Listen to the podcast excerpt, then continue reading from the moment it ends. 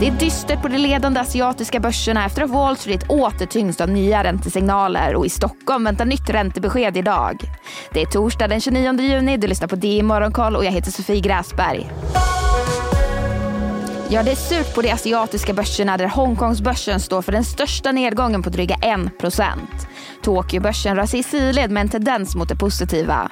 Bland vinnarna syns flera av chiptillverkarna som stiger efter amerikanska signaler om ökad efterfrågan. Och både Japan och Kina delar en oro för respektive lands valutaförsvagning. I ett försök att stärka yuanen så höjer Kina för tredje gången denna vecka sin dagliga referensränta oväntat mycket. Och så till USA. Det var positiva tongångar på Wall Street under onsdagen tills dess att Fed-chefen Jerome Powell under centralbankschefskonferensen i portugisiska Sintra återgav nya signaler om att fler räntehöjningar kan vänta. Breda S&P 500 och tekniktunga Nasdaq avslutade handelsdagen på varsin sida nollan med små förändringar. Och de 23 största bankerna i USA skulle klara av en recession. Det meddelar Fed efter det årliga stresstest som centralbanken genomför varje år. Och så till enskilda bolag. Streamingjätten Netflix steg 3% efter en höjd riktkurs från investmentbolagen Oppenheim. Världens största tillverkare av minneskort, Micron, steg i efterhanden efter att ha rapporterat intäkter över estimatet.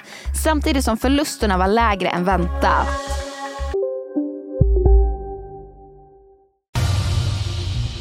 Expressen gör varje vecka podden Politikrummet där vi djupdyker i det senaste och viktigaste inom svensk politik. Med mig, Filippa Rogvall, som programledare tillsammans med mina vassa kollegor. Och det är ju ni som heter Thomas Nordenskjöld, Anette Holmqvist och Viktor Bartkron. Politikrummet kommer med ett nytt avsnitt varje tisdag. Vi hörs.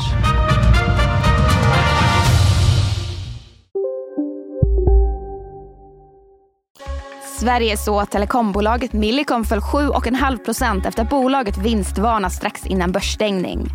Och så har vi mycket på agendan idag. Vid halv tio får vi räntebesked från Riksbanken.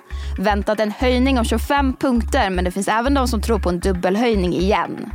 Vid 11 får du slå på DTV för att följa presskonferensen med riksbankschef Erik Thedéen efter beskedet. Men vi har även stora nyheter på bolagsfronten. Klädjätten H&M kommer med sin rapport. Bolaget väntas presentera ett lägre rörelseresultat än motsvarande kvartal förra året. Och på tal om handel så kommer Statistiska centralbyrån med färsk statistik över hur detaljhandeln i Sverige såg ut i maj. Och om vi blickar utanför Sverige, Ungern skjuter upp parlamentets omröstning om Sveriges NATO-ansökan till i höst, rapporterar AP. Det skulle innebära att Sverige missar sitt mål om att bli medlem i försvarsalliansen till toppmötet i juli. Och budstriden om det brittiska storklubben Manchester United fortsätter. Qatargruppen med Sheikh Yassim i spetsen hävdar enligt källor till Bloomberg under onsdagen att de är övertygade om att vinna budgivningen. Och så får vi konsumentprisindex från Tyskland. Den tyska inflationen väntas stiga till 6,3% i årstakt från tidigare 6,1. Men det var allt för den här nyhetsuppdateringen. Missa inte Börsmorgon som idag sänds från Almedalen med start kvart i nio. Eller lyssna på programmet som podd. Vi släpper avsnittet klockan 11. Det är Morgonkollet tillbaka igen imorgon. Jag heter Sofie Gräsberg.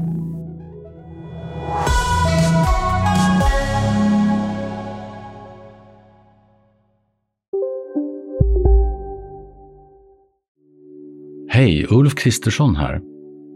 På många sätt är det en mörk tid vi lever i. Men nu tar vi ett stort steg för att göra Sverige till en tryggare och säkrare plats. Sverige är nu medlem i Nato. En för alla, alla för en. Vi är specialister på det vi gör, precis som du. Därför försäkrar vi på Swedea bara småföretag, som ditt. För oss är små företag alltid större än stora och vår företagsförsäkring anpassar sig helt efter firmans förutsättningar. Gå in på swedea.se företag och jämför själv.